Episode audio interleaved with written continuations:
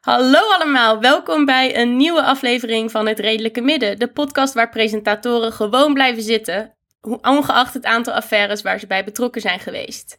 Denk jij dat de maanlanding fake was, dat Tupac nog leeft en misschien wel de Messias is, of dat er een geheim plan bestaat om op termijn verplicht iedereen aan de tofu te krijgen, dan heb jij vandaag geluk. Vandaag gaan we het namelijk hebben over complotdenken. Mijn naam is Annelot. Ik zit hier vandaag met Farah, Boris Noordenbos en Suzanne van Geuns. Farah kennen jullie natuurlijk al, maar Boris en Suzanne nog niet. Dus willen jullie jezelf misschien even voorstellen? Ja hoor, ja. Zo, eh, wil jij beginnen, Suus? Eh, zeker, maar ik was eh, beleefd aan het wachten. Ik, Ja, eh, ik ik ben, Oké, nee. eh, ik ben eh, Suzanne van Geuns. Ik eh, promoveer aan de Universiteit eh, van Toronto. En eh, daar doe ik onderzoek naar online antifeministen. Zowel christelijk als eh, minder duidelijk christelijk. En ik kom een beetje bij de complotten eh, terecht via eh, evangelicals. eh, conservatieve eh, protestanten in de VS. Eh, want die zijn dol op complotdenken. En Boris, hoe ben jij hier ja.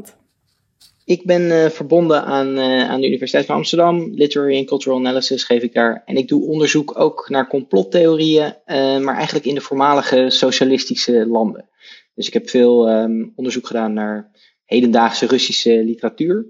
En ja, vroeg of laat kom je de complotdenkers tegen in de Russische cultuur. En dat is eigenlijk mijn ingang geweest. En dan ga je langzaam steeds meer overeenkomsten en verschillen zien met, met complotdenken in andere delen van de wereld. En dat is iets wat me, wat me is blijven fascineren. Ja, en daar willen we het vandaag ook heel graag over gaan hebben. Maar voor we dat gaan doen, gaan we nog even naar de mediaan. Farah, heb jij een mediaan deze week? Ja, dat heb ik. Eh, ik las vandaag toevallig een eh, artikel in Vrij Nederland. Eh, en dat artikel is echt super fascinerend en sluit ook wel een beetje aan op het verhaal, of in ieder geval de, de thematiek waar we het vandaag over gaan hebben. Eh, want in april 2017, ik weet niet of jullie je dat nog herinneren, ontdekte een gezin in Nederland dat er een kleurplaat van niemand minder dan Adolf Hitler in een kleurboek van de Kruidvat stond. En eh, die vader greep toen naar eh, zijn sociale media en vroeg de kruidvat wat het natuurlijk te betekenen heeft. En de kruidvat haalde de kleurboeken uit de schrappen, maar daarmee was de kous niet af, want de media dook er massaal op en de kruidvat moest zich terecht natuurlijk verantwoorden. Maar het verhaal achter dat kleurboek is super fascinerend en eh, Lex Boon van Vrije Nederland, eh, die heeft het dus uitgezocht voor eh, het blad, hoe het precies zit en beantwoordt de vraag hoe dat in godsnaam heeft kunnen gebeuren. En hij doet dit eh, dus al sinds februari 2020. En hij heeft, ja, ik denk een stuk of tien eh, artikeltjes hierover eh, gepubliceerd. En deze week verscheen de laatste, ehm, of het laatste stuk dat het verhaal eigenlijk concludeert. En wat zo interessant is, is ehm, dat het verhaal blootlegt. ehm, of het legt een wereld bloot die we normaal gesproken niet kennen. We weten dat die er is, maar we kennen de details meestal niet en begrijpen niet hoe complex het eigenlijk is. En dat is de wereld van de supply chain. Eh, en het verhaal van de geoliede machine van de geglobaliseerde wereld en wat er gebeurt als eh, de supply chain niet goed draait. En het verhaal van Boon neemt hem mee ehm, ja, naar Nederland, België, India en China en laat dus zien hoe globaal eh, het eigenlijk is en waar zeg maar de problemen eigenlijk zitten. Ehm, en toen ik dit verhaal eigenlijk las, dacht ik ook een beetje aan eh, de thematiek die we vandaag gaan bespreken. En het idee dat ehm, je normaal gesproken wel denkt dat je weet hoe alles in elkaar zit, maar wanneer je eigenlijk in de materie duikt, dan zie je ook dat er allerlei patronen zijn die je over het hoofd hebt gezien. En dat er niet echt een Murphy's Law is die iets kan verklaren van hoe bijvoorbeeld zo'n supply chain in elkaar zit en hoe het werkt. Ehm, en ook zeg maar gewoon het idee van eh, toeval. Want heel veel dingen die misgingen in dat verhaal waren eigenlijk eh, veroorzaakt door puur toeval. En ik denk dat we, wanneer we bijvoorbeeld over eh, geschiedenis eh, spreken, dan denken we altijd van, oké, er zijn wetmatigheden in bepaalde structuren van hoe dingen gaan. Maar toeval is eigenlijk een beetje het verhaal waar we nooit aan willen toegeven dat dat ook nog gewoon in deze wereld bestaat en dat, ja, dat het ook heel veel dingen nog steeds stuurt. Dus dat was mijn we- voor deze week. Ja, we gaan hem in de show notes zetten. En ik vermoed dat we hier nog wel op gaan terugkomen, ook in de aflevering. Ehm, maar Suus, heb jij toevallig een tip? Ja, eh, ik eh, vond het moeilijk kiezen, maar ik dacht ik wil eigenlijk even de publieke omroep eh, pluggen. Ehm, en ik heb we hebben twee goede eh, series gekeken. Of nee, eigenlijk één goede en één die eh, heel slecht was, maar wel heel goed voor het gesprek. Ehm, de ene is de serie over eh, parttime werkende vrouwen. Waarvan ik eigenlijk wat ik een soort schoolvoorbeeld vond in hoe kun je het vraagstuk precies zo framen dat je eigenlijk nooit over structuur nadenkt.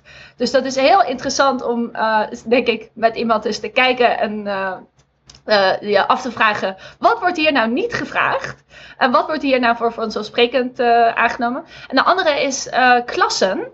Eh, wat eigenlijk een heel mooi programma is over het Nederlandse sorteersysteem in het onderwijs. Ehm, eh, en ik denk iets waar we, ja, als je in Nederland bent opgegroeid, allemaal ervaring mee hebt. En ehm, wat eh, belangrijk is om met z'n allen over na te denken. En ik vond het een, een mooi programma en een, iets waarvan ik denk, kunnen we het daar niet over hebben in het kabinet als we dat zouden hebben?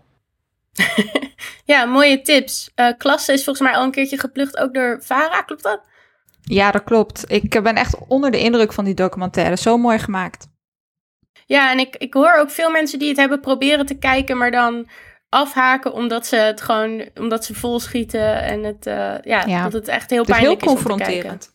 Ja. Ja. ja, mooie tips en mooie, ja, wat zou ik het noemen, niet-tips. Ehm, ja, bedankt. Boris, heb jij nog een tip? Nou ja, ik zat eigenlijk te kijken eh, natuurlijk naar alles wat er gebeurde in de, in de VS. En daar zie je eigenlijk de, de lelijkst mogelijke kant van waar complotdenken toe kan leiden. En dat deed me eigenlijk denken aan een, ehm, ja, aan een, aan een serie of aan een ehm, documentaire, moet ik zeggen, op Netflix van een aantal jaar terug. En het vormde voor mij een soort contrast met wat we nu zagen. En veel van jullie zullen hem waarschijnlijk gezien hebben, Behind the Curve.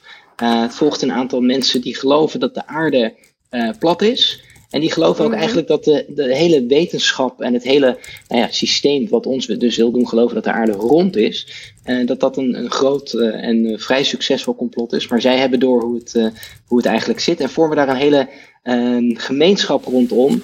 En de leider van die gemeenschap, dat is een op het oog wat, ja, wat sukkelige jongeman die bij zijn moeder woont. Maar dat is dus een, een een rockster in deze gemeenschap. En je ziet dus eh, dat het mensen aantrekt die op conventions en, en, en plekken bij elkaar komen. En die ontzettend veel lol met elkaar hebben. En er zit. Kijk, het, het is natuurlijk. Het is absurd. Het is misschien ook ergens wel zorgwekkend. eh, want wat gaat deze mensen ervan overtuigen dat ze ongelijk hebben? Iedereen zit volgens hun natuurlijk in het complot of is een dom schaap. Maar het is ook relatief onschuldig als je vergelijkt met wat we de afgelopen weken hebben gezien. En je ziet ook eh, hoe complotdenken als een sociaal bindmiddel werkt. Hoe het een groep mensen bij elkaar brengt die eh, toch ook op een eigen manier heel creatief aan het denken zijn en, Mhm. en, en elkaar vinden. Toch ook een groep eh, outcasts die op deze manier bij elkaar komt. Dus als een soort tegenpol tegen dat andere gezicht van complotdenken, vond ik het eigenlijk wel heel mooi om die nog eens eh, te bekijken. Ja, dus het bouwt ook gemeenschap, het verbroedert. Precies, het doet iets in de, in de verbroedert. sociale wereld. En ik denk dat dat Ja. niet altijd gezien wordt. Weet je, het is niet een, alleen een idee. Er zijn mensen die elkaar vinden in hetzelfde idee. Op internet, op fora. En toevallig zijn het ook heel vaak outcasts. Die eh, zich Ja. eigenlijk een beetje vervreemd voelen, et cetera. Ja. Dit is ook een heel ding voor, eh, men- voor creationist. Ik ben een keer naar een eh, pretpark geweest voor, van de Ark. eh, waar dus iedereen ontzettend opgelucht kon ademhalen. Dat ze eindelijk waren op een plek waar ze niet de hele tijd evolutietheorie hoefden te horen. Dat ze eindelijk naar een echt museum konden met, en met allemaal mensen die er hetzelfde over dachten. Ehm, en dan heb je datzelfde eh, gevoel van een soort oase eh, van sociaal geluk. Ja. eh, in een wereld die eigenlijk vijandig is naar jouw, jouw opvattingen. Is Ja. het van dezelfde maker dat pretpark als... Er er is iemand die heeft een, ook, ook een museum in deze, in deze sfeer. In de, in de VS, dacht ik. Is dat dezelfde? Ja, dat zit eh, vlak bij elkaar. In eh, Kentucky je hebt het Creation Museum eh, en Ark Encounter. En wij gingen dus naar de Ark, waar je de Ark die op schaal is nagebouwd en ingericht kunt bezoeken. En waar je niks hoeft tegen te komen wat niet in de Bijbel staat. Heerlijk. Dus het is een hele veilige, prettige plek. Ja. En de kruistocht tegen de dino's dan ook, of niet? Nee, de dino's die, die bestaan wel, want dat zijn eh, dieren die op de Ark ook zijn geweest, maar en die wel een beetje zijn veranderd in de tussentijd. Ah, zo. Ja. ja. Maar het is allemaal veel minder extreem dan we denken, de evolutie. Ja, mijn tip gaat eigenlijk over het tegenovergestelde van alles wat jullie daar noemen aan outcast. Um, ik was ook heel veel aan het nadenken nog steeds over de situatie in Amerika. En daar ontkom ik helaas niet aan als Amerikanist. Ik denk dat eigenlijk alle Amerikanisten het met me eens zullen zijn dat ze een compleet foute keuze hebben gemaakt om dit land te gaan bestuderen. Want het is verschrikkelijk. Je wenst het je ergste vijand nog niet toe. Um, maar omdat ik het toch moet doen, uh, heb ik veel na zitten denken over wat er nou gebeurt. En um, uiteindelijk dacht ik, weet je wat ik aan wil raden? Het nieuwste boek van Kate Mann. Zij is filosoof en zij heeft nu een boek geschreven dat heet Entitled. Um, ik kwam haar ooit tegen door een podcast die ze deed met Ezra Klein over misogynie. En ik weet dat we eigenlijk niet meerdere dingen aan mogen raden. Maar ja, je moet eigenlijk misschien eerst de podcast luisteren en dan dat nieuwe boek gaan lezen. En uh, nou, je lekker verdiepen in de wereld van Kate Mann. Dat uh, gun ik jullie allemaal. En dan gaan we nu door naar het onderwerp van deze aflevering: complotdenken. Het lijkt wel alsof we allemaal steeds meer gaan geloven in een eigen waarheid en overal tegenstanders zien. Um, de bestorming van het kapitaal liet onlangs zien dat dit momenteel zelfs een concreet gevaar voor de democratische rechtsstaat vormt, misschien wel. En niet alleen in Amerika. Ook Asher noemde complotdenken als een van de gevaren die hij zag voor de maatschappij momenteel in zijn afscheidsspeech. Nou is het natuurlijk heel makkelijk om complotdenkers weg te zetten als mensen die een beetje doorslaan in creatief enthousiasme, maar het is toch aardig wat werk om een complot sluitend te krijgen. Dus vandaag wil ik het hier wat uitgebreider over hebben. Waarom ontstaan complottheorieën en wat kunnen we er eigenlijk mee? Zoals gezegd ga ik daarover praten met Farah, Boris en Suus. Welkom, superleuk dat jullie er zijn. Um, Suus, heeft de maanlanding plaatsgevonden? Ja. Ja? Je weet het zeker? Ja, weet je, ik weet het net zo zeker als dat ik zeker weet dat Tokio bestaat. Ik heb het nooit zelf gezien, ja. maar toch. Je gelooft geloof het. gauw in. Ja, ik geloof het. En Boris, um, leeft Elvis nog? Eh, ik denk het wel, ergens. Maar ja, Ja? dat is natuurlijk... Nou, nee, nee. Dat denk... Nou ja, Fysiek of in de hoofden van mensen, precies, Boris? Waar, waar leeft hij? Ja. In je hart. En hoe? In je hart. Ja, ja. Maar, maar dit zijn niet helemaal de complotten waar jullie mee bezighouden, geloof ik. Zoals we eerder al bespraken. Dit is iets verder weg. Nou ja, het is natuurlijk allemaal, dat is de vraag ook of, het het of we het over één ding hebben, als we het over, over complottheorieën hebben. Dat, eh, dat is wel een vraag die ik, ja, die, die vaak bij me opborrelt. Van, of bedoelen we als we het over complottheorieën eh, hebben, bedoelen we dan gewoon dat het niet waar is en dat het onzin is? En al die dingen die we onzin vinden, die scharen we onder eh, complottheorieën. Er zijn natuurlijk heel uiteenlopende dingen die ehm, eh, gelabeld kunnen worden als, eh, als complottheorieën. En, en er zijn overeenkomsten, maar volgens mij is het ook goed om te zien dat het een vrij divers eh, fenomeen is. Ja, want dit is eigenlijk een van de vragen die wij hebben opgeschreven is... Is er wel eens een complottheorie geweest die gewoon waar bleek te zijn?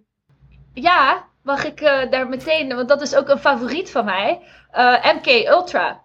Hartstikke waar. Zeker. Gedurende de jaren 50, vroege jaren 60 heeft de Amerikaanse overheid allemaal eh, experimenten gedaan eh, met eh, mind control.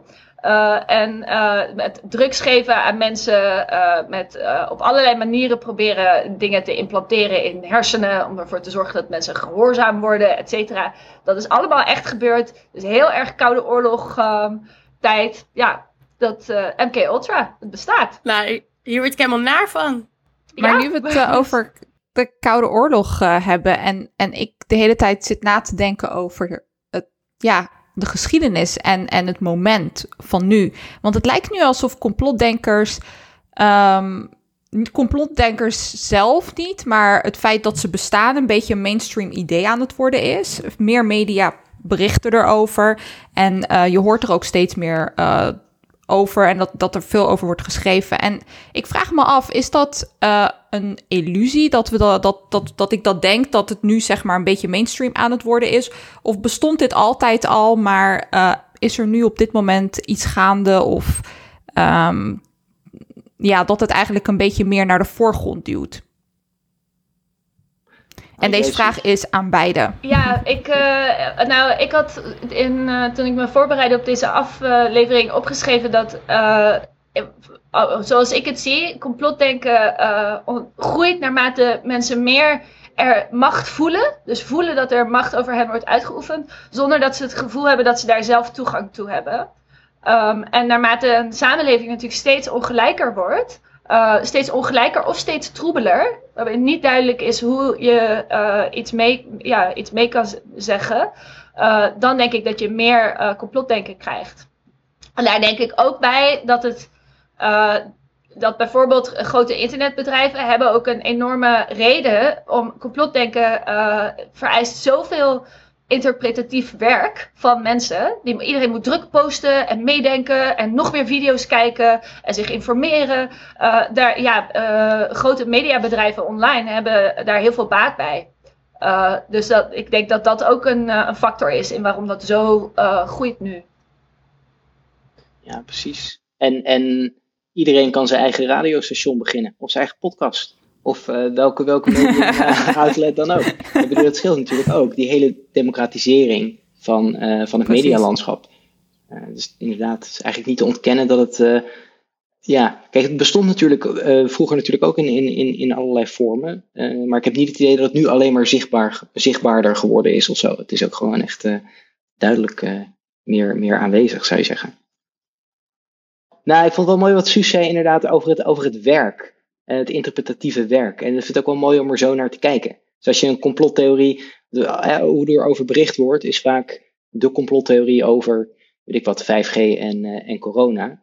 Maar dat je benadrukt dat iedereen die daar iets mee post of een meme over maakt of daar weer iets aan toevoegt, dat dat toch allemaal eigenlijk een continu proces is van eh, interpretatieve arbeid die, eh, die verricht wordt. Dus dat we het niet zozeer zien als een, als een ding wat er is en je gelooft erin of je gelooft er niet in. Maar het is iets waar je, waar je aan bijdraagt en deelneemt en, eh, en onderdeel van bent. Dat, en Ja, je moet het dus zelf maken. Ja, volgens mij wel. Volgens mij wel. In heel veel gevallen wel. Wat is dan het verschil tussen het stellen van een kritische vraag en, en wanneer wordt dat dan een complottheorie? Oh, Wat wat is het eh, onderscheid daartussen? Uh, uh, ja, ik heb eh, hier uh, veel over nagedacht, omdat ik ook het eigenlijk heel belangrijk vind, een beetje terugkomend op wat Boris eerder zei. Um, ik denk dat er altijd iets waar is in uh, bekende complottheorieën. Dus uh, het is bijna, Hmm. en ik zou zeggen dat het grote verschil is. Het is bijvoorbeeld waar dat de, de, de macht en het geld in de wereld in de, hand is, in de handen is van een kleine groep. Het is niet per se waar dat die kleine groep elkaar allemaal kent en afspreekt in Bilderberg hotels. Um, maar er zit altijd iets in wat wel klopt. En daar, uh, dat herkennen mensen en daar stellen ze kritische vragen over. En ik denk dat er vervolgens je een soort uh, interpretatief model krijgt waarin er geen toeval meer is. En waarin alles mm -hmm. uh, uiteindelijk geen toeval en geen incompetentie. Want heel veel dingen die door complotten uh, worden opgelost, of worden, waar het complot verklaart, uh, dit raadsel, uh, het eigenlijke antwoord is gewoon incompetentie. Ik denk niet dat er een complot is in Nederland. Ze hebben het gewoon echt heel erg slecht gedaan met het aanpakken van corona. Dus snap je? Dat is gewoon. Ja. Dat is geen naar plannetje dat gesmeed is. Ja. Maar uh, de complotdenker die, uh, die weet dat uh, zonder toeval aan elkaar te smeden. En stelt eigenlijk belangrijke kritische vragen. Maar komt uit op een, op een wel heel ordelijk geheel. Ja, precies. Toeval bestaat niet. En de kwade intenties van de, van, de, van, de, van de boze wereld, die zijn ook altijd succesvol. Dus je kun je ook afvragen van hoe, hoe moeilijk, hoeveel mensen heb je nodig om zo'n enorm complot met 5G, corona, Bill Gates. Hoeveel mensen heb je ervan? Hoe groot is de kans dat er niemand uit de school klapt en dat het precies zo gaat zoals het gepland is? Dat lukt nooit. Dat is natuurlijk. Dat het echt die geoliede machine is, als het ware. Precies. Waar precies. ik het net heel ook veel over vertrouwen had, ja. eigenlijk. Hè? In menselijke agency zit er ook achter. Behalve in je eigen agency, om iets zeg maar uh, echt te kunnen veranderen. Ja, dat, dat ook. zit er je natuurlijk dus ook een beetje, achter. Een beetje machteloos. Maar er, ik denk dat er heel veel. Uh, uh, want een favoriet in de meeste complotten is iemand die wel uit de school klapt. Dus je hebt uh, in, die kom ik in mijn onderzoek veel tegen, uh, mensen die geloven dat er hele nare dingen gebeuren in abortusklinieken. Dat daar een soort verschrikkelijke genocidale logica achter zit. En als er dus iemand is die zegt: Ik heb in een abortuskliniek gewerkt en ik heb dingen gezien, dan is diegene als het ware set for life. Je kan altijd overal spreken, uh, films over worden gemaakt. Uh, dus dat, dat is ook weer terugkomend op dat mediaklimaatstukje. Um, waarin uh, iemand die uit de school lijkt te klappen en een soort insider info heeft, dat, dat doet het heel goed. Ja, ja, precies. Maar ook, uh, ook de geheime boodschappen. Dus als we hadden het over die maanlanding, vond ik een goede opening van Annelot die vraag er zijn natuurlijk mensen die bijvoorbeeld The Shining van Stanley Kubrick op zo'n manier kijken dat ze daar een clue in zien dat, dat uh, Stanley ons eigenlijk probeert te vertellen dat hij betrokken was bij de maanlanding, maar hij kon het, hij kon het niet zeggen. Dus heeft, hoe heet dat jongetje nou, Danny, geloof ik, hè, die door, het hotel fietst, die heeft natuurlijk een, eh, een, een trui met de Apollo aan. En dat is eigenlijk zijn bekentenis. En dat kon niet. Dus het zoeken naar clues is natuurlijk, ja, dat is de lol, zou ik zeggen, van de, van de. Ja, alles heeft met alles te maken. Alles, heeft met alles te maken. Alles is verbonden, ja.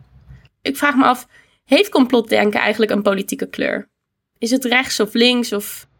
Ik uh, denk dat uh, je eigenlijk onderscheid moet maken tussen twee soorten uh, complotdenken.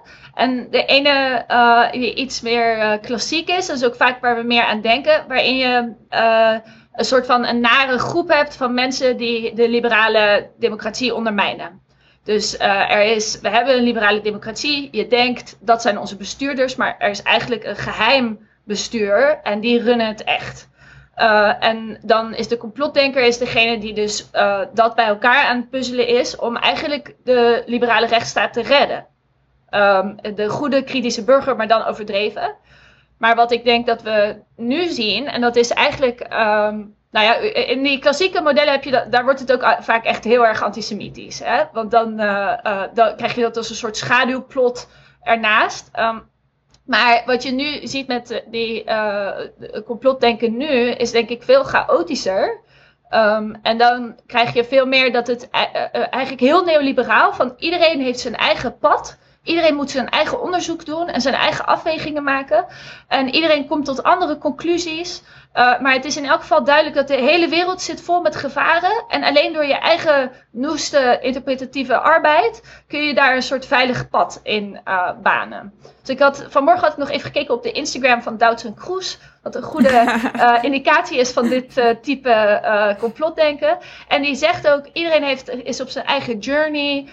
ik zou nooit tegen je zeggen wat ik moet vinden. Doe je eigen onderzoek. Dat is, ik zeg, dit is de manier om een complotdenker te herkennen. Als iemand je begint te vertellen: doe alsjeblieft je eigen onderzoek. Dat is waar het echt gebeurt. Want eigenlijk, zeker met virussen en dergelijke, denk ik dat mijn eigen onderzoek een stuk minder goed is dan dat van mensen die daarin gespecialiseerd zijn. Maar dat is voor de complotdenker, de chaotische complotdenker, absurd. Je eigen padbanen. Dat, uh, uh, dat is eigenlijk de enige veilige houvast in een chaotische wereld vol schimmige zaken. En is dat dan een soort westerse versie ervan? En is die anders in uh, de complotten waar jij onderzoek naar doet, Boris? Of komt dit wel overeen? Nou, ik, ik vind het wel heel interessant wat Suus zegt. En volgens mij sluit het ook wel aan bij, uh, bij het, uh, de internetdynamiek waar we het over hadden. Dus een heel mooi boek, kunnen, kunnen jullie misschien in de show notes uh, opnemen, van Murhead en Rosenboom uit 2019. en het boek heet A Lot of People Are Saying. Um, waarbij eigenlijk de onderliggend, het onderliggende idee is, weet je, geruchten, losse ideeën, kritische vragen. Je kan toch vragen stellen dat is eigenlijk uh, een, een, een soort drive die je heel veel ziet uh, en die eigenlijk gesteund wordt en eigenlijk uitgedrukt wordt op, het, op het internet. en hun punt is inderdaad van, kijk, vroeger, ze zijn, ze zijn bijna nostalgisch naar een tijd dat er nog echte complotten waren, of echte complottheorieën. En JFK, dat had nog een kop en een staart en het zat zo en ze hebben het daarom gedaan en ze planten daar dat bewijs en uiteindelijk was het de bedoeling om dit en dit en dit. en ze zeggen, ja, dat is nu eigenlijk anders. Uh, dingen worden aangeklikt, doorgestuurd, geliked, toegevoegd. Uh, en, en iedereen doet, doet een beetje zijn eigen onderzoekje. Maar, maar het is, ja, ze noemen het nieuw conspiracism. Een soort andere vorm van, van, van complotdenken. Maar ik, ja, hoe verhoudt zich dat? Ik heb dus het idee dat dat hele liberale of neoliberale idee. dat je als individu eigenlijk de agency moet pakken die je door de, door de grote machten zogenaamd wordt, wordt afgepakt, dat, dat daar zit natuurlijk een, een bepaald ideaal in. En er zit een ideaal in van een vrij, autonoom, zelfkiezende uh, consument die zijn eigen gang kan gaan. En de grootste nachtmerrie is dat dat op de een of andere manier uh, bedreigd wordt. Dus dat ik niet de baas ben over mijn eigen lichaam of over mijn eigen geest, of dat er een chip zit of dat er een vaccin komt. Uh, en now we have to self-investigate. En nu gaan we het uitzoeken. En dan zijn we min of meer weer autonoom en dan winnen we die autonomie terug.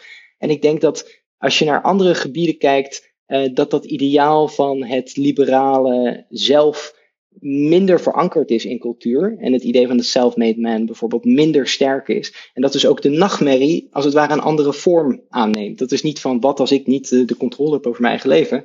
Maar dat is veel meer van wat als onze waarden ondermijnd worden door een vijand die, eh, die, die ervoor wil zorgen dat we als collectief zwak worden of iets dergelijks. En dat zijn narratieven die je, die je heel veel ziet in de voormalige socialistische wereld. Het, het is niet zwart-wit, het is niet binair, het overlapt ook, maar er zit toch net een wat andere nadruk.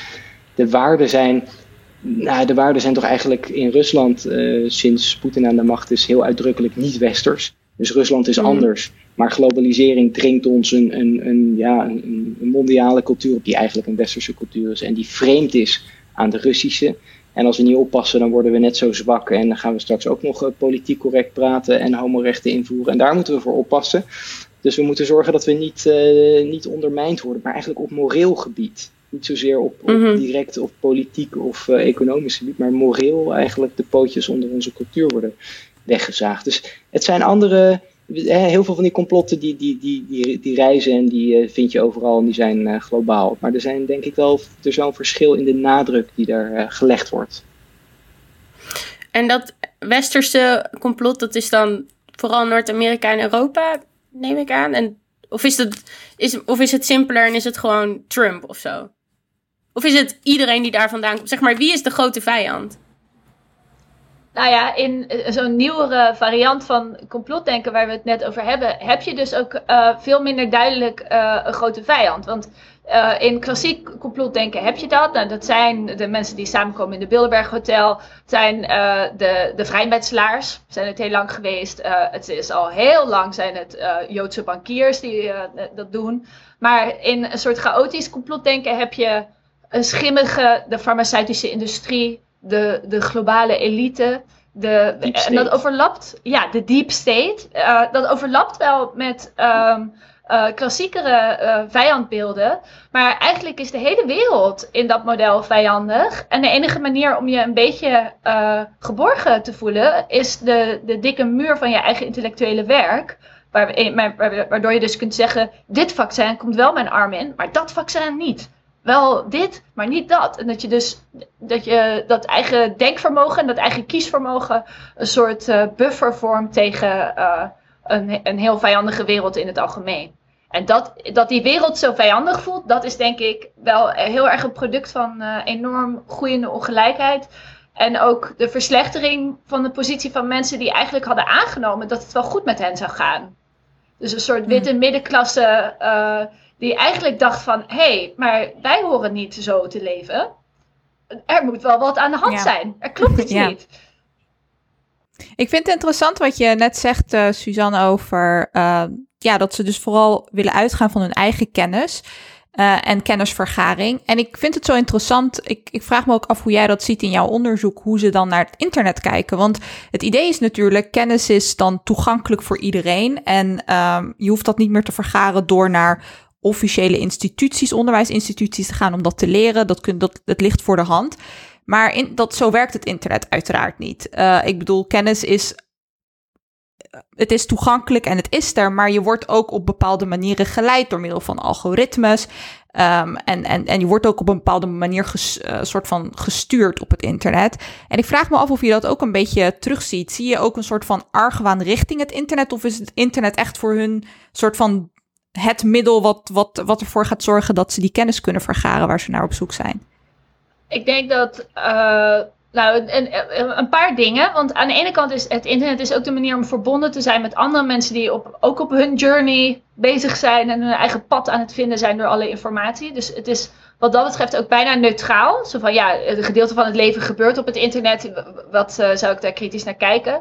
En daarnaast is er het idee uh, dat zeker dingen als Wikileaks en zo, dan hebben mensen wel het gevoel van, nou, dit heeft echt een revolutionair uh, potentieel. Um, maar wat vaak niet echt zichtbaar is voor mensen, is een soort van het stukje achter de schermen, wat jij ook zegt over algoritme. En een ding wat heel veel, uh, waar heel veel internetonderzoekers het over hebben, is het fenomeen van het informatievacuüm. Dat als uh, je tegen elkaar. Uh, stel, iemand gaat nu zeggen van. Uh, ja, Mark Rutte is eigenlijk een, een, heeft eigenlijk een hagedissenpak aan onder zijn pak. Weet je? en je gaat dat googlen, Mark Rutte hagedissenpak. dan zijn er misschien niet genoeg hits daarvoor. En om, vanwege de marktwerking die eigen is aan mediaplatforms, gaan mensen uiteindelijk dat informatievacuum opvullen uiteindelijk gaat er iemand komen met een video over van, nou, er waren eerst helemaal geen uh, uh, rapporten over uh, dat Mark Rutte een hagedispak aan heeft. Maar sommige mensen zijn wel dat aan het zeggen. Dus, dus het is eigenlijk ook door, als je die, die, die aanzet krijgt van, doe je eigen onderzoek. En vervolgens vraag je het aan het internet, dan gaat het internet dat uiteindelijk leveren. En dan krijg je een soort loop. waardoor mensen uiteindelijk toch concluderen van nou, er zal wel iets aan de hand zijn. Want anders dan zou je dit niet hebben. A lot of people are saying. hey Boris, hoe is die internetcultuur anders in Rusland dan bij ons?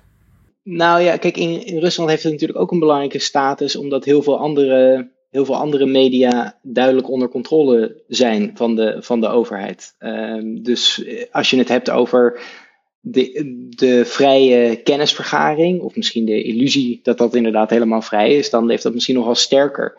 Uh, juist, in, uh, juist in Rusland. Dus wat dat betreft heeft het, heeft het nog, nog duidelijker die, uh, die functie. Ik wou ook nog, kunnen we nog heel even het hebben, want we hadden het net over dat, over dat vijandbeeld en dat reptielenpak. En dat vond ik ook interessant. Want je hebt natuurlijk ook die hele stroming um, van complotdenkers onder leiding van Dave Icke. die dus inderdaad Illuminati. echt gelooft.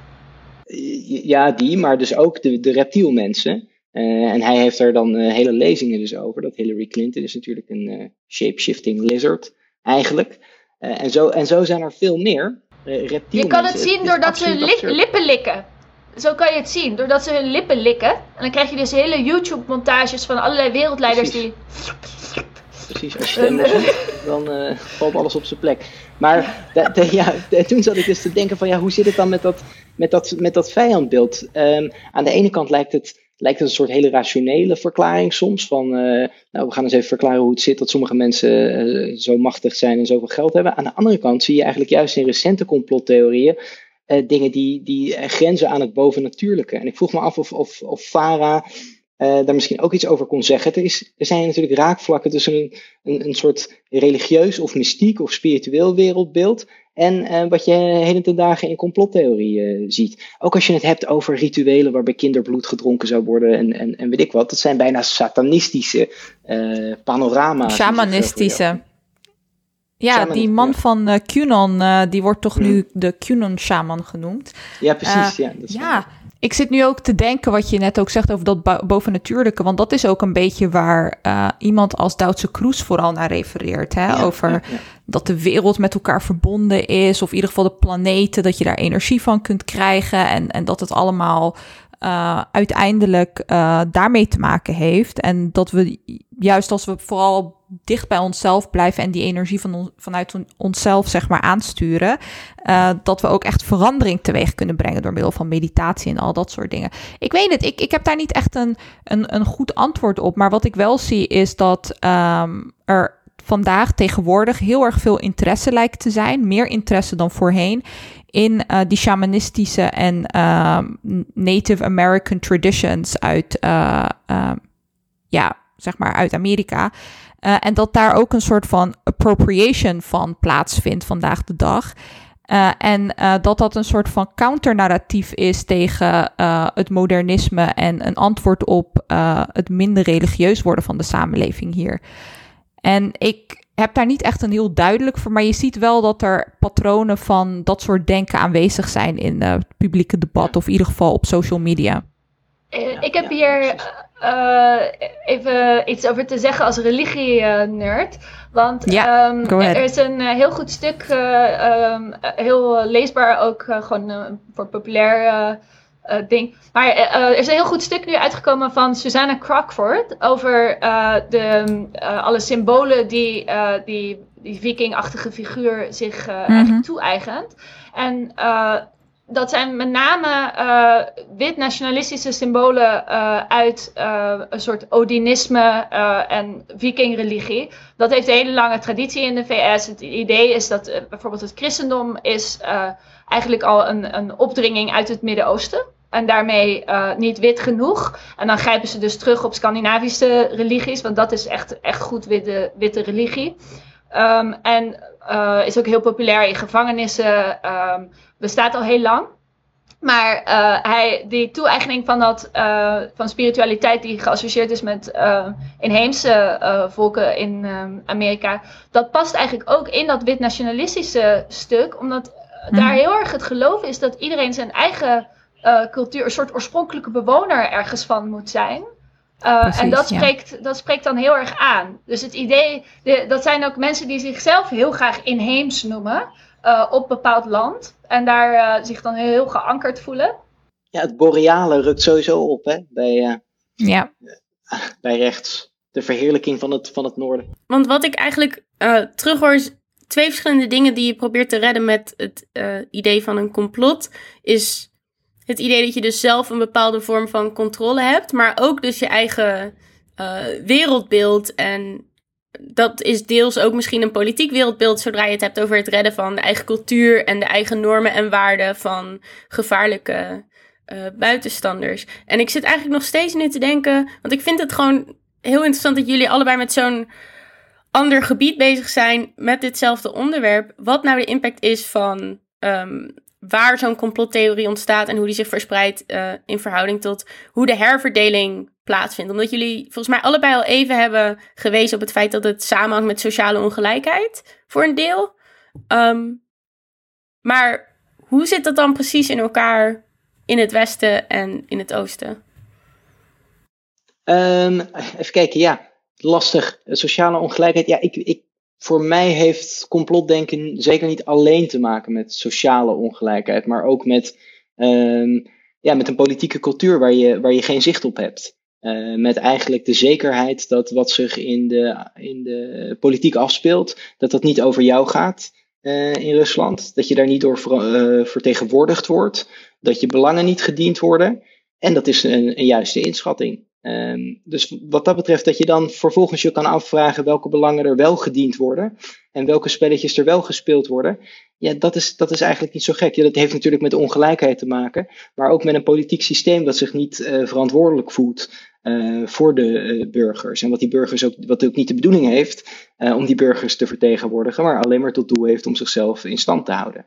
Dus, dus ik denk dat dat zowel in de Sovjet-Unie als, als nu ook nog in Rusland een hele belangrijke voedingsbodem is. Iedereen begrijpt dat, dat de regering jou niet vertegenwoordigt en dat daar dat de echte macht, dat die nou ja, achter gesloten deuren wordt, wordt uitgevochten. Inclusief natuurlijk een, een, hele cultuur van geheimhouding. Grote uh, grote geheime diensten die, uh, die uh, werk verrichten en die vereerd worden en beloond worden. En ja, dat voedt natuurlijk ook die, die complotcultuur. Ik denk voor Amerikaanse complotten, waar, waar ik meer naar kijk, heb je de uh, eigenlijk twee. Het is heel belangrijk ook om het onderscheid te maken van waar we het nu vooral over hebben uh, binnen de VS is echt wit complotdenken. Maar je hebt ook een levendige cultuur van complotdenken onder zwarte Amerikanen. wat eigenlijk veel meer voortkomt uit het feit dat zij ook echt op allerlei manieren nadeel hebben ondervonden van een staat die hen actief heeft tegengewerkt en uh, ook lichamelijke schade heeft toeberokkend. Dus bijvoorbeeld argwaan naar uh, vaccins in een zwarte Amerikaanse gemeenschap. Ja, dat, dat, dat wantrouwen dat heeft wortels in allerlei medische experimenten die uitgevoerd zijn op de zwarte gemeenschap. Ja, dat, dat is een beetje een ander verhaal eigenlijk dan, voor, dan wit complotdenken in de VS. Wat, waarvan ik denk dat het heel uh, in belangrijke mate ook voortkomt uit een soort christelijk wereldbeeld. Specifieke protestantse traditie waarin het gaat over, oké, okay, uh, je hebt zeg maar de goede en de kwaden. En uh, je moet zelf de hele tijd de morele plicht voelen om bij de goede te horen. En eigenlijk een soort heldenverhaal willen hebben. Ik denk dat, dat het belangrijk is om te beseffen dat uh, het, het, interpretatieve werk van de complotdenker ook oplevert dat je een soort held bent. dat je aan de kant van de goede bent, dat je daar dapper uh, mee aan de slag gaat. Het is ook veel werk. Je stopt al dat, al dat werk erin en dan uiteindelijk kan eh, sta je in de orde naar dingen te kijken, goed en kwaad. Je weet wat juist is. Ja, ik denk dat dat uh, empowering is. Ik, uh, ik wou nog inderdaad toevoegen dat het, uh, dat, dat wel een, een, een, belangrijk punt is inderdaad om te zien hoe ehm, achterdocht onder de zwarte bevolking, hoe, dat, hoe, dat, hoe dat heel begrijpelijk is. En hoe dat ook gevoed is door, door, door reële vormen van marginalisering. En dat wordt ook heel mooi beschreven door Anna Merlin, uh, Republic of Lies, een recent boek van haar over, over complotdenken in de, in de VS, waarin ze bijvoorbeeld complotten rondom uh, Katrina uh, beschrijft. Onder de zwarte bevolking. en laat ze ook zien dat er een lange geschiedenis is van het achterstellen van de zwarte bevolking en inderdaad van eerdere overstromingen waarbij inderdaad bewust en in het geheim die bevolking werd achtergesteld. Dus dat het ook niet zo gek is dat er dan complottheorieën ontstaan, of ze nou waar zijn of niet. Dus dat is, dat is toch wel belangrijk om, uh, om te benadrukken, ja. Zwarte civil rights leiders werden ook daadwerkelijk bespioneerd door de FBI. Ja, dat, zit, uh, dat wantrouwen is gewoon echt gegrond. En wat dat betreft ook wel belangrijk om te zeggen dat in, uh, zeker rond vaccins, wat nu natuurlijk uh, heel erg belangrijk is om met z'n allen over na te denken, dat allerlei leiders in de zwarte gemeenschap ook hebben gezegd, daar gaan wij mee aan de slag. en dat moet echt even los worden gezien van de vaccinskepsis die onder de witte bevolking heerst. Ik zat net ook te denken, wat ik zo interessant vind is de complotdenkers die zichzelf antiglobalisten noemen, die realiseren zich heel vaak niet dat zij eigenlijk ook uh, een product zijn van die globalisering. En dat zij door middel van internet en de interconnecties die er vandaag de dag bestaan, uh, juist een grotere complotdenkergemeenschap kunnen opbouwen. En wat, wat ik me afvroeg, Boris, is: we hebben het nu over het oosten, soort van Rusland, en uh, het westen aan de andere kant. Maar zie jij ook niet onder. Um, rechtse denkers in het Westen juist ook meer invloed vanuit Rusland ontstaan in complotdenken. Want wat jij net ook schetst over de waarden van de westerse samenleving, dit zijn ook wel dingen uh, die hier heel vaak geroepen worden. Zeker, zeker. En dat wordt door de, door de Russen natuurlijk ook heel slim uitgespeeld in, in mediacampagnes en in het, uh, in, ook in financiële steun aan organisaties die hetzelfde soort traditionalistische uh, kritiek uh, uiten uh, in het Westen. Dus nee, dat, dat is zeker zo. Je krijgt dus ook hele vreemde allianties tussen bijvoorbeeld ehm, populistische partijen in Europa. Die de EU dictatoriaal vinden. En die zich dan vervolgens laten steunen door het dictatoriale regime in, in, in Rusland. Ja. En dat is een heel vreemd. Maar dat zit dus inderdaad in, het, in hetzelfde neoconservatieve hoekje. Ja, nee, dat, dat, dat, dat klopt. En wat je natuurlijk hebt, is, is die continue heen en weer beschuldigingen. Dus complottheorieën niet alleen van uh, er vinden complotten plaats en er zijn theorieën over. Maar uh, bij alles tussen Rusland en het Westen uh, de beschuldiging van de Amerikanen bijvoorbeeld, jullie bemoeien je met, met, met onze verkiezingen en met ons democratisch proces. De beschuldiging van de Russen dat dat een paranoïde gedachte is. En zo kan je heen en weer gaan. En ook de beschuldiging van complotdenken is alweer inzet geworden in een, in een geopolitiek veld eigenlijk. Dus, ja. Maar inderdaad, klopt, vreemde allianties. Die, die, ja, het is een, natuurlijk een narratief wat veel ouder is in Rusland. Het idee dat zij eigenlijk de echte Russische beschaving verdedigen tegen het kwaad. Uh, tegen het fascisme wat oprukt. Uh, dat ze het echte christendom vertegenwoordigen. Dat ze de echte Europese waarden uh, van Europa nog vertegenwoordigen. Terwijl Europa ten prooi gevallen is aan een soort losgeslagen liberalisme. Dus dat messianisme van wij zijn de last man standing zeg maar, dat, dat zit er heel, heel duidelijk in. En dat vinden ze ook terug. En daar vind je dus allianties mee, inderdaad, in Europa. Ja. Ik wil graag nog even uh, door naar coronacomplotten. Um, dat is namelijk nu wel een dingetje. Ik weet niet hoe het met jullie zit, maar in mijn omgeving zie ik toch wel een aantal mensen, uh, vooral eigenlijk van een oudere generatie, op Facebook een beetje radicaliseren op het moment. En steeds meer dingen delen uh, ja, die me een beetje bezorgd maken, om het zo te zeggen. Um, ik weet helemaal niet wat ik daar nou mee moet. Hebben jullie tips? Nou, ik denk eh, misschien niet een tip, maar iets waar we het eerder over hadden. Uh, die coronacomplotten gaan natuurlijk precies over meester zijn over je eigen lichaam en geest. En daar gaan al die complotten over. Ehm, dus iets geïnjecteerd krijgen, wat iets vreemds met je doet. Een chip in je hoofd die je gedachten controleert. Eh, de agency panic, zoals het dan genoemd wordt, hè, die, die is, daar, is daar heel duidelijk. Misschien zijn we niet de baas. Dus, dus de, ja, en dan wat je er volgens mee moet doen is weer een andere vraag. Ja, maar gaan, willen jullie het vaccin? Ja. Ja. Ik vind dat ook, eh, weet je wat het is? Eigenlijk als we nu zo gaan beginnen met van, oh maar wil jij het vaccin? Dan word ik dus weer in de positie gezet dat ik een kundige afweging moet gaan maken over mijn eigen lichaam en geest. Terwijl ik eigenlijk daar helemaal niet voor gekwalificeerd ben. Ik weet helemaal niet zoveel van vaccins. Ik ben geen arts. Maar ik heb wat, eh, ik heb wat dat betreft vertrouwen in de structuren van mensen die daarvoor zijn opgeleid. Want waar anders moet ik vertrouwen in hebben? In mezelf? Nou, eh, eigenlijk niet. Ik denk dat ik daar helemaal niet voor eh, gekwalificeerd ben. Zelf Ja. Maar eh, in Rusland is het vaccin al veel eerder er doorheen gegaan, heb ik het idee. Een ander vaccin. Ja. Ehm, vind je daar dan geen complotten daaromheen? Of, of Oh, zit, hoe speelt het zich daaruit? Ja, nee, zeker. Dat is er natuurlijk ook. Er is ook heel veel, heel veel achterdocht over. En er zijn natuurlijk ook landen zoals Mexico eh, die het Russische vaccin eh, besteld hebben. Dus de, de, de Mexicaanse president eh, Obrador, die de eerste wil zijn in het land die eh, gevaccineerd wordt. En daar zijn natuurlijk ook weer allemaal complotten over. Dat hij zich helemaal niet gaat laten vaccineren, dat er weet ik wat voor betaald is, dat het een propagandastunt is, et cetera.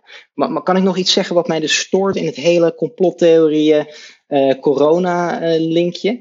dat is eigenlijk precies, nou ja, dat is dus precies die, die connectie die er gemaakt wordt tussen de verspreiding van complotten of misinformatie en de verspreiding van een virus. Ik weet niet of jullie toevallig wel eens naar de website van de WHO kijken.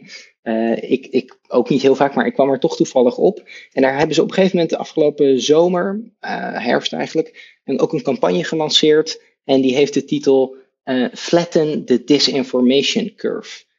Met dus het, en het hele verhaal daarbij is ook, disinformatie verspreidt zich zoals een virus. Dus het is ook de implicatie van je kan ermee geïnfecteerd worden. Pas op met mensen die al geïnfecteerd zijn, denk ik dan ook.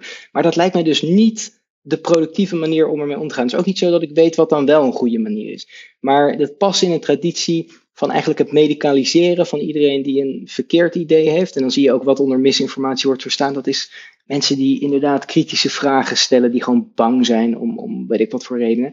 Als je die allemaal gaat wegzetten als de ziekte of het uh, infectieuze gevaar, volgens mij moet je dat niet, niet doen. Maar die, dat zie je heel veel. We hebben twee virussen eigenlijk. Eentje is uh, biologisch en de andere gaat over informatie. Volgens mij is dat niet uh, handig. Maar dat haalt ook het creatieve eruit. Het creatieve van dat iedereen die desinformatie verspreidt, die doet er eigenlijk ook, die voegt ook iets toe. Zeg maar, die is ook zelf creatief bezig. Terwijl als je erover nadenkt met een virus, uh, dat is eigenlijk nee, heel passieve precies. verspreiding.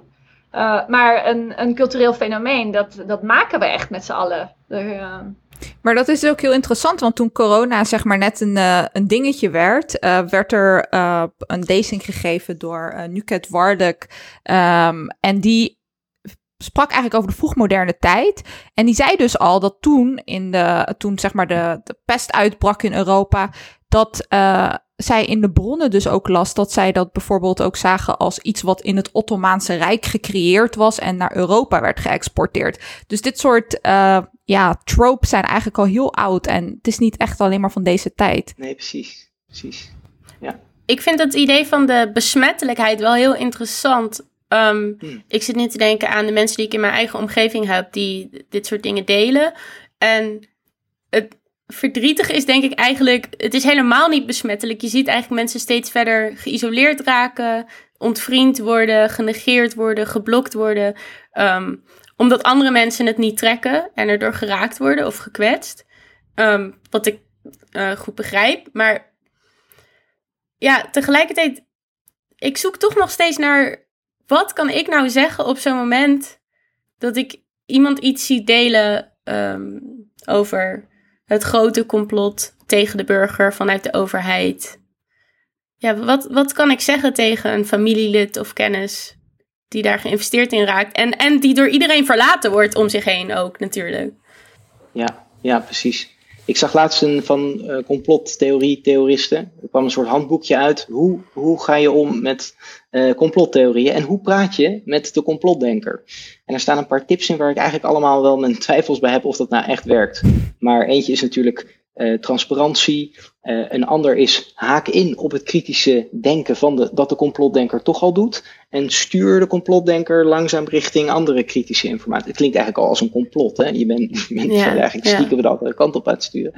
Maar een andere ja. tip die natuurlijk wel belangrijk is, is het niet, niet uh, isoleren of ridiculiseren van, van dit soort ideeën. Ik kan eigenlijk alleen maar dingen bedenken die je niet moet doen, maar, maar niet zo goed wat je wel zou moeten doen. Ik, ik denk eigenlijk voor uh, dingen wel doen dat um, het belangrijk is om mensen te bevestigen in hun gevoel. Van uh, ja, je wordt inderdaad genaaid. Uh, maar ik denk niet dat het zo gebeurt. Ik vind zelf eigenlijk um, voor de mensen die ik ken, heeft het soms wel geholpen om ook dus niet een soort uh, idealistisch verhaal te houden over nee, dit zijn allemaal hele lieve dokters die uh, ontzettend goede bedoelingen hebben. Maar uh, om echt ook te bevestigen van ja, je hebt gelijk om weinig vertrouwen hierin te hebben. En het klopt ook dat je machteloos staat tegenover grotere krachten. maar onthoud, de meeste mensen zijn gewoon best wel incompetent. Dus de kans dat het een complot is. Wat een opluchting! ja, ja, maar echt. Dat, ja, daar, daar, uh, ik vind dat, dat vind ik zelf in elk geval een overtuigend uh, argument. In die zin dat uh, iedereen daar vast ervaring mee heeft. En ik heb wat dat betreft ook wel de hoop dat voor vaccins bijvoorbeeld, dat het uitmaakt als mensen zeggen: ik, mijn huisarts waar ik altijd al naartoe ga. Als ik daarmee praat en die zegt tegen mij van nou je moet dat toch wel doen, dan dat, dat geeft vertrouwen. Alleen, ja, dan moet je dus eigenlijk ook een samenleving hebben waarin iedereen een huisarts heeft, uh, de tijd heeft en de stabiliteit heeft om die huisarts enigszins regelmatig te zien, uh, daar contact en een vertrouwensrelatie mee op te bouwen. Dus sowieso iets doen aan complotdenken is altijd iets doen aan een hele, een hele cultuur en een hele verdeling. Denk ik. Maar ik vind dat op zich wel een, een mooi idee van dat je dus kan zeggen, uh, ken je iemand die medisch is opgeleid, uh, die je al langer kent, waar je vertrouwen in hebt en kun je daar misschien een afspraak mee maken om hier eens over te praten. Um, omdat je dan zegt, je hoeft mij niet voor waar aan te nemen en ik ben ook geen arts. Maar misschien kan je het dan iemand vragen die je wel vertrouwt, die het heeft gestudeerd of zo. Ja, maar goed, misschien is diegene die ze vertrouwen, is, uh, is iemand met een YouTube-kanaal die daar um, allerlei kritische verhalen mm. spuit. ja. Toch? Ja. Ja. Ja, wel ver ik vind het al heel verdrietig allemaal, eigenlijk. En je hebt uh, een subreddit voor uh, QAnon um, uh, casualties. En dat zijn dus mensen die beschrijven dat ze door QAnon contact met hun familielid zijn verloren. Dat ja, een soort de band met hun ouders eenmaal onder druk staat. en dat is eigenlijk een ontzettend droevige, trieste gemeenschap van mensen die dus zeggen van ja, er is niet meer mee te praten. Uh, ik, uh, ik mis mijn, uh, mijn familielid.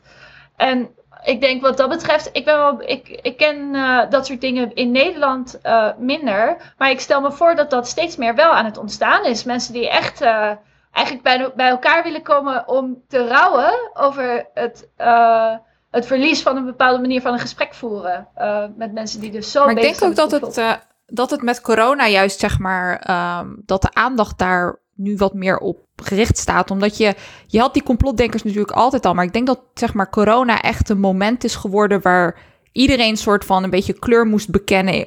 Wat voor soort wereldbeeld heb jij en wat voor soort visie op de toekomst? Um, en uh, dus sommige mensen komen dan ook soort van uh, naar buiten dat ze ook in die complotten uh, ja, geloven. En dat uh, gaat ook, denk ik, voor heel veel confrontatie of tot confrontatie leiden. Ja, precies. Terwijl je eigenlijk, als je naar het kabinet kijkt, gewoon echt een duidelijk voorbeeld hebt van hoe incompetent leiders wel niet zijn. En hoe ze met die coronacrisis uh, zijn omgegaan. Maar, ja. Ja. ja. En eigenlijk is dat nog, het, het, nog veel droeviger. Dat het niet eens uh, per se een soort kwaad complot is. Maar dat, dus, ja. dat je dus zo um, ja, dat, dat je dus zo uh, slecht behandeld kunt worden uh, zonder dat het expres is bijna. Maar hoeveel um, complotdenken of complottheorieën kan een democratische rechtsstaat aan voordat die eigenlijk instabiel wordt. Zoals je nu in Amerika ziet bijvoorbeeld. Ja, ik, ik weet niet of het, of het zo werkt. Hè? Eh, het kan ook andersom zijn. Het kan ook zijn dat de complottheorieën een symptoom zijn van dat er eh, voor, dat voor heel veel mensen een democratische orde en een democratische manier van met elkaar omgaan, dat dat niet, dat dat niet werkt. In plaats van het komt door de complottheorie. Want op zich, als je naar die complottheorie kijkt, we hebben het heel erg over uh, ja, mensen interpreteren, ze, ze proberen alles aan elkaar te praten, dat klopt natuurlijk. Maar we hebben het nog niet zo gehad over de, over de emoties die daarachter liggen. En volgens mij gaat het daar eigenlijk veel meer over. Mensen zijn woedend, mensen zijn boos, voelen zich bestolen, zijn verontwaardigd, zijn gekwetst, um, hebben een, een gevoel van ressentiment, er is ons iets afgenomen. En, en, en dat is volgens mij wat er aan de hand is. En dat je dan vervolgens met interpretaties komt die daarbij passen. Ja, dan kunnen we het gaan hebben dat die, kunnen we zeggen, dat klopt niet, het is allemaal kletspraat. Maar daarmee zijn die emoties niet weg.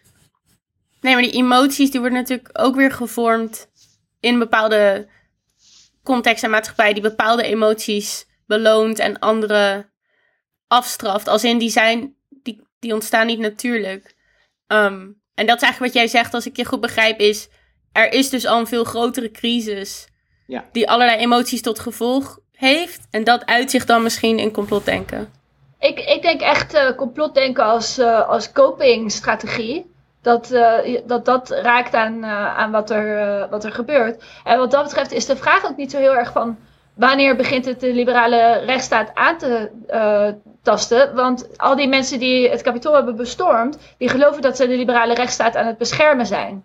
Uh, Dus mhm. het is ook wat dat betreft niet eens per se antidemocratisch, maar meer een soort. Als je bepaalde emoties hebt en je bent een, dan doe je eigenlijk goed burgerschap. Het, het, uh, verdedigen, het kritisch nadenken en het verdedigen van de democratie. Maar dan uh, op een manier die dat uiteindelijk uh, uitholt. Dus eigenlijk een heel tragisch verhaal. Um, ik, ik moet nu denken aan een bekend essay van een Amerikaanse geschiedkundige Richard Hofstadter. En die heeft, dat is het essay over conspiracy denken. Uh, en dat heet The Paranoid Style in American Politics. Waarin hij eigenlijk probeert te beargumenteren dat die paranoia, dat gevoel van wantrouwen, dat dat een soort constante is in Amerikaanse politiek. Um, en nou, ik vind dat er van alles mis is met dat essay, maar ook van alles goed aan is.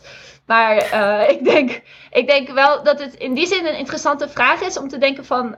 Oké, als complotdenken in feite altijd al onderdeel is van liberale rechtsstaten... Um, hoe, hoe ziet het eruit als we uh, op die manier erover nadenken... in plaats van als iets wat een soort van uitgebannen moet worden... Um, om, uh, om de staat goed te laten functioneren?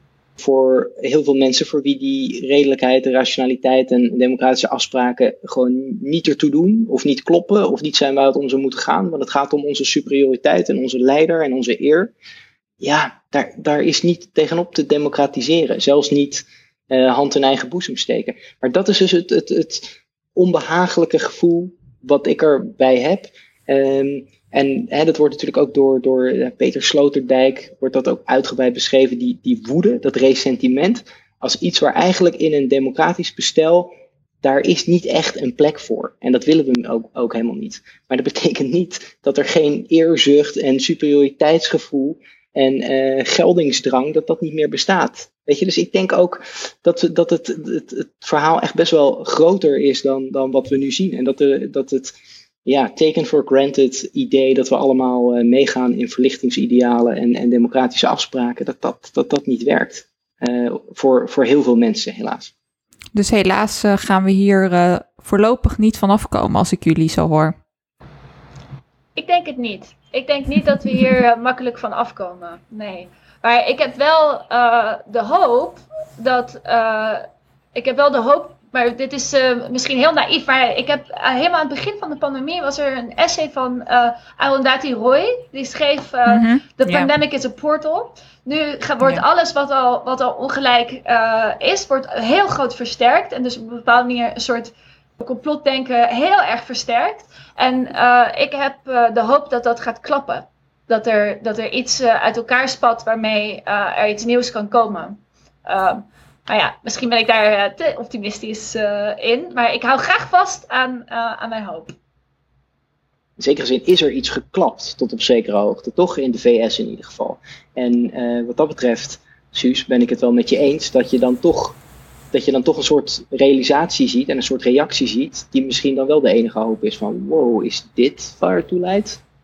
Maar ik vond het wel heel mooi eigenlijk dat je net zei, Boris. Uh, er is nog veel meer om te bespreken. Het is natuurlijk een veel groter verhaal dan eigenlijk dit ene ding. Als je ook gaat kijken naar al die emoties en waar die allemaal vandaan komen. En wat is er nou mooier dan een aflevering over complotdenken eindigen met... Er is nog veel meer. Doe je eigen onderzoek. en voor dat onderzoek moeten mensen natuurlijk jullie blijven volgen. Om Precies. tot de bodem van dit verhaal te komen. En uh, volledig te gaan begrijpen hoe complotten echt in elkaar steken. Dus ik denk dat we nu ja, misschien wel, misschien niet aan het einde van de aflevering komen. Dat ligt er een beetje aan of uh, de luisteraars de geheime locaties weten te vinden waar onze nagesprekken misschien wel zullen plaatsvinden of misschien niet.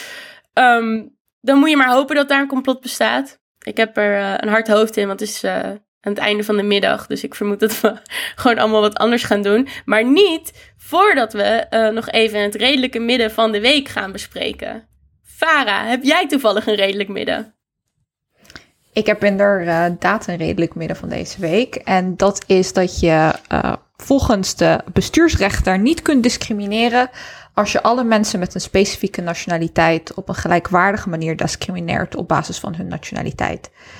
En uh, dat was echt een bizarre redenatie, maar uh, ik wilde toch hiermee ook even stilstaan bij dat uh, bij toeslagenaffaire schandaal, waar we mee te kampen hebben. En ehm, ja, bizar dat, dat dit een conclusie kan zijn van de bestuursrechter in Nederland. Ja, mijn redelijk midden sluit daar eigenlijk een beetje op aan. Uh, maar ik heb vooral creatief na zitten denken over hoe we nou ervoor kunnen zorgen dat Mark Rutte en Boeke Hoekstra um, het meest effectief geweerd kunnen worden van uh, het vormen van een nieuw kabinet Rutte. Dus wat ik dacht is wat we moeten doen, is we moeten ze uitdagen en misschien gewoon de hele partij erbij, de hele VVD, de hele CDA uitdagen, om een fietstocht te doen rond de wereld voor een goed doel naar keuze. Ik denk dat we ze dan minstens voor twee verkiezingen kwijt zijn. Als we daar nu zo'n beetje mee beginnen en zorgen dat ze voor maart vertrekken. Um, ik weet zeker dat Rutte een fiets heeft, want je wordt doodgegooid met de foto's van hem op de fiets. Ik weet niet zeker of um, Wopke er een heeft, maar ik weet zeker dat Mark hem er wel een wil lenen anders. Um, dus ja, mijn redelijke midden van de week is dagen het CDA en de VVD massaal uit om een fietstocht naar goed doel voor, voor een goed doel naar keuze rond de wereld te gaan maken. Suus of Boris, hebben jullie een redelijk midden? Ja, ja zeker. Ik ben al enthousiast over uh, de voorstellen die ik hoor. Uh, kan ik enorm waarderen. Mijn uh, redelijk midden is misschien wel nog banaler. Uh, ik wil graag een motie indienen dat alsjeblieft mensen over de 50 geen filmpjes meer mogen sturen via WhatsApp. Zonder dat ze daarvoor een pop-up krijgen. Net zoals wanneer je foutieve verkiezingsinformatie deelt. Met weet je zeker dat je kinderen dit willen? Dit, dit, voelt, oh, dit voelt een beetje als een subtweet. het, voelt, het voelt een beetje als een subtweet, Suus. Wil ik daar wat over zeggen? nou, ik ben. Weet Al je, mijn familie-apps uh, lopen dood nu. Ik, uh, ik prijs me gelukkig dat er geen complottheorieën tussen zitten, maar ik, uh, ik zie toch ruimte voor verbetering. Ja. Nee, maar kattenfilmpjes zijn ook nog... erg. Nee, ik sluit Ik heb niks meer. Je bent tegen de kattenfilmpjes? Ik ben tegen de kattenfilmpjes van mensen boven de 50 plus. Vooral als ik die kattenfilmpjes de afgelopen 15 jaar al heel vaak heb gezien. En hetzelfde, telkens hetzelfde kattenfilmpjes zijn. Dus, dus als, we dat, als we dat kunnen uitbannen, dan komt het met die complottheorieën ook wel goed. Dankjewel voor dit verhelderende gesprek in ieder geval, Boris en Suzanne. Dit was het redelijke midden voor deze week, maar kon je hier nou geen genoeg van krijgen? Volg ons dan vooral op Twitter. Suzanne vind je at Report, Varen op Vara en Bassie, mij op Lennart Spion en het redelijke midden op redelijk midden. En Boris, jou vinden we geloof ik nergens. Klopt dit? Oh, je, je, kan, me, je kan me mailen op b.noordenbos.uva.nl Nou ja, wat ik dus wou gaan zeggen, dit is natuurlijk heel jammer voor de mensen, maar dan zit er maar één ding op, dan zullen ze je boek moeten gaan lezen, genaamd Post-Soviet Literature and the Search for Russian Identity. Dus daar gaan we ook nog even naar linken in de show notes, in plaats van naar je Twitter. Um, voor nu in ieder geval hartstikke bedankt en tot ziens allemaal. Ja, ontzettend bedankt. Ja, dank jullie wel. Leuk gesprek. Jullie bedankt, jongens. Doei! Doei! doei.